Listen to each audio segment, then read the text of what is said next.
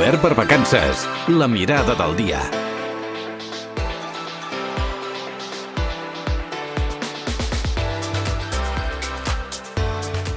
La primera mirada del dia d'aquesta setmana ens porta a recuperar les declaracions que divendres de la setmana passada va fer la vicepresidenta tercera del govern espanyol, Teresa Rivera.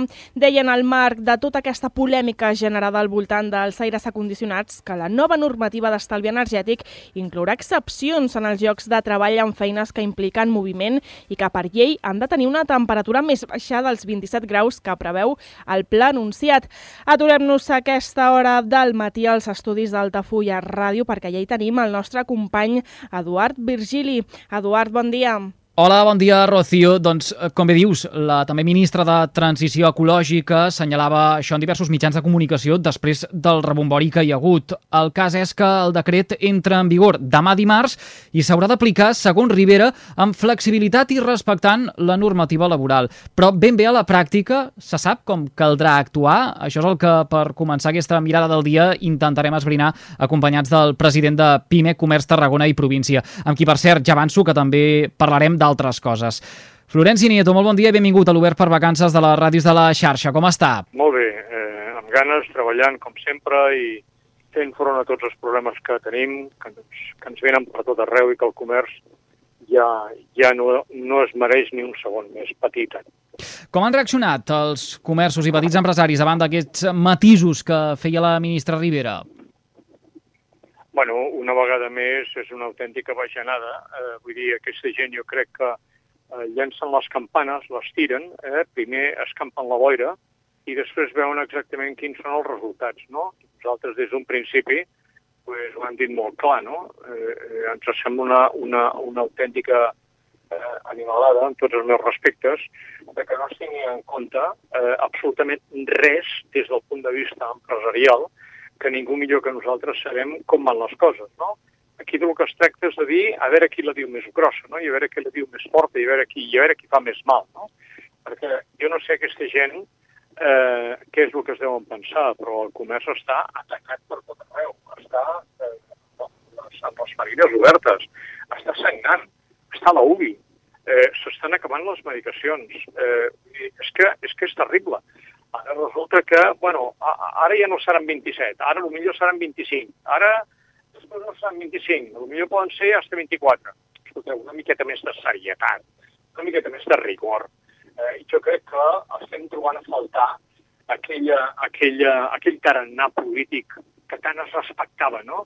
i que abans de fer tantes tonteries i dir tantes mm, coses impròpies, eh, eh, miraven abans de fer un estudi, eh, es posaven i parlaven amb tots els grans empresaris i feien un, un, un, un, un no sé, eh, preguntant exactament amb un, amb un grup d'empresaris de, què és el que els hi semblaven les mesures que tenien de prendre. Mm. Eh, ara ja estan dient, ara ja inclús s'està dient que ja no estem en crisi. Que què és això? Que serem apàtrides els que diem que estem en una crisi. Vull dir, realment, eh, en sèrio, és veritat tot això? Senyor Nieto, i, i, en aquest, i en aquest sentit, uh, se sap amb exactitud com caldrà actuar a partir de demà?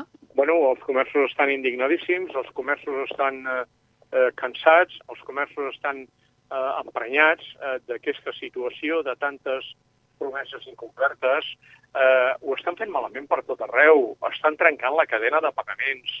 En una situació dramàtica com aquesta no es pot trencar una cadena de pagaments perquè ens anem tots a, a, a Norris. Eh, eh, vull dir, hem de vigilar que els pagaments es compleixin. Eh, el més petit i el més feble és el que ha de tancar. Eh, ja no solament tanquen comerços eh, centenaris o, o que porten ja tres i quatre generacions i que cada vegada que obrim el diari ens en donem compte, no? No, no, no, és que mm, realment és que, és que això ja és generalitzat, és a dir, ja no és un problema de relleu generacional, és que és un problema de situació eh, econòmica del país, no?, amb el que estem vivint. Vull dir, aquí, aquí compta tot, aquí és igual, aquí o ets amic dels amics o, o te'n vas a fer punyetes. I, i, I la gent està cansada de pagar factures tan cares i amb tanta injustícia i amb tanta soberbia, no? I això, lògicament, té un recorregut, però aquest recorregut, eh, malauradament, eh, no, no passa més enllà dels quatre anys. Eh?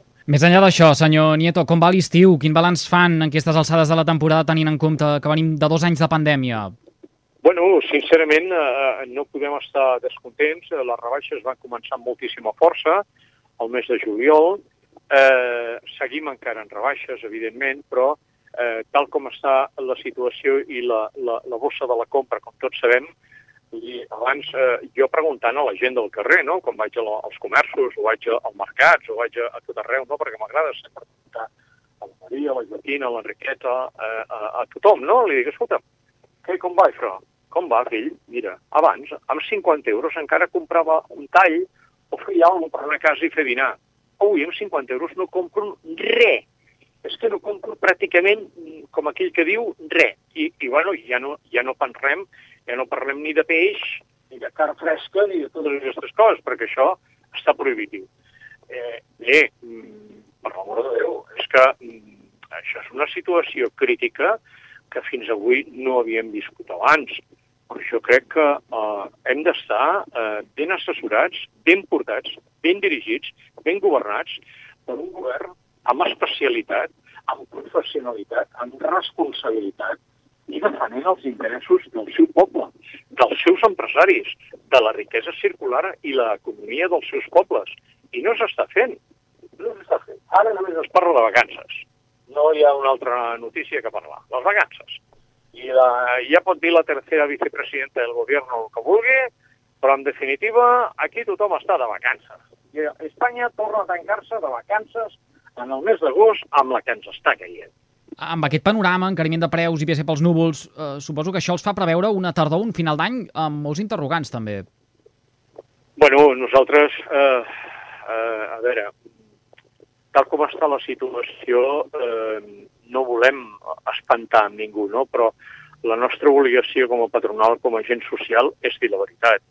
I la veritat és que eh, entrarem en recessió, vull dir, hi haurà una, hi haurà una davallada terrible no hi haurà diners, els bancs no donaran ni un duro, eh, es congelaran eh, tots els crèdits, eh, bueno, és que és normal. Eh, I això, si estem començant a viure ara, en aquest moment, al marge de les calors, que són horribles, no?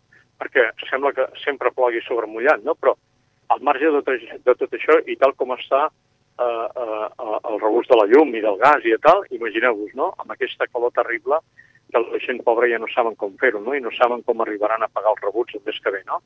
Però, eh, efectivament, nosaltres esperem una tardor, a partir del mes de setembre, eh, la tornada de vacances serà terrorífica, perquè en aquest moment ja hi ha moltíssimes famílies en aquest país que estan vivint tres mesos pel davant de les seves possibilitats, i tot això s'ha de pagar, eh?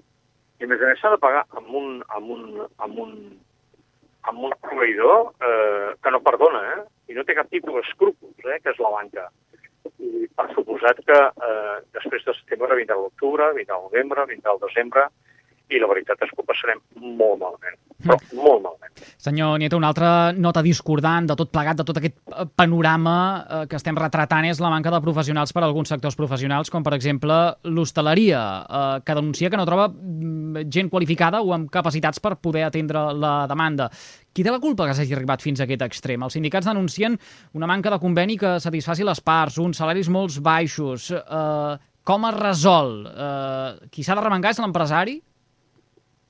Bueno, eh, quan arribem a aquesta situació, normalment és lògic que eh, els agents socials sempre defenent els interessos del que correspon, doncs sempre anem a intentar posar el dit a l'ull, no? Però eh, jo sent una miqueta més humà i veient el, el programa des d'un sentit més humà eh, que el que hem tingut, eh, sí que és ben veritat que fins ara, eh, bé, si hi havia una contractació laboral i la gent que estava treballant en el sector de l'hostaleria es donaven per ben pagats amb una quantitat econòmica que avui en dia és insuportable, bueno, pues, eh, la culpa no és sempre de l'empresari.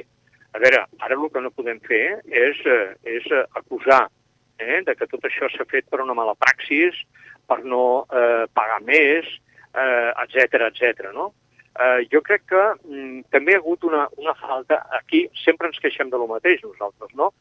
Si ens queixem de lo que més falta fa en aquest país, que és la formació professional. No?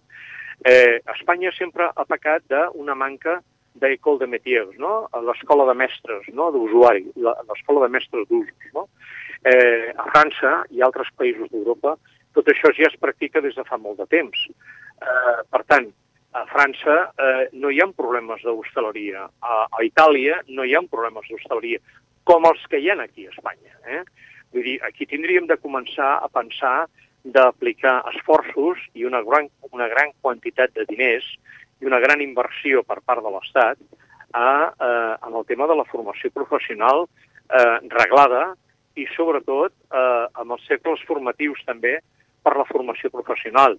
Eh, per què? Pues perquè el futur de les nostres empreses eh, passa per la formació professional i una dignificació de totes les feines que tenim a través de tots els comerços, restauració, hostaleria, oci nocturn, etc etc etc.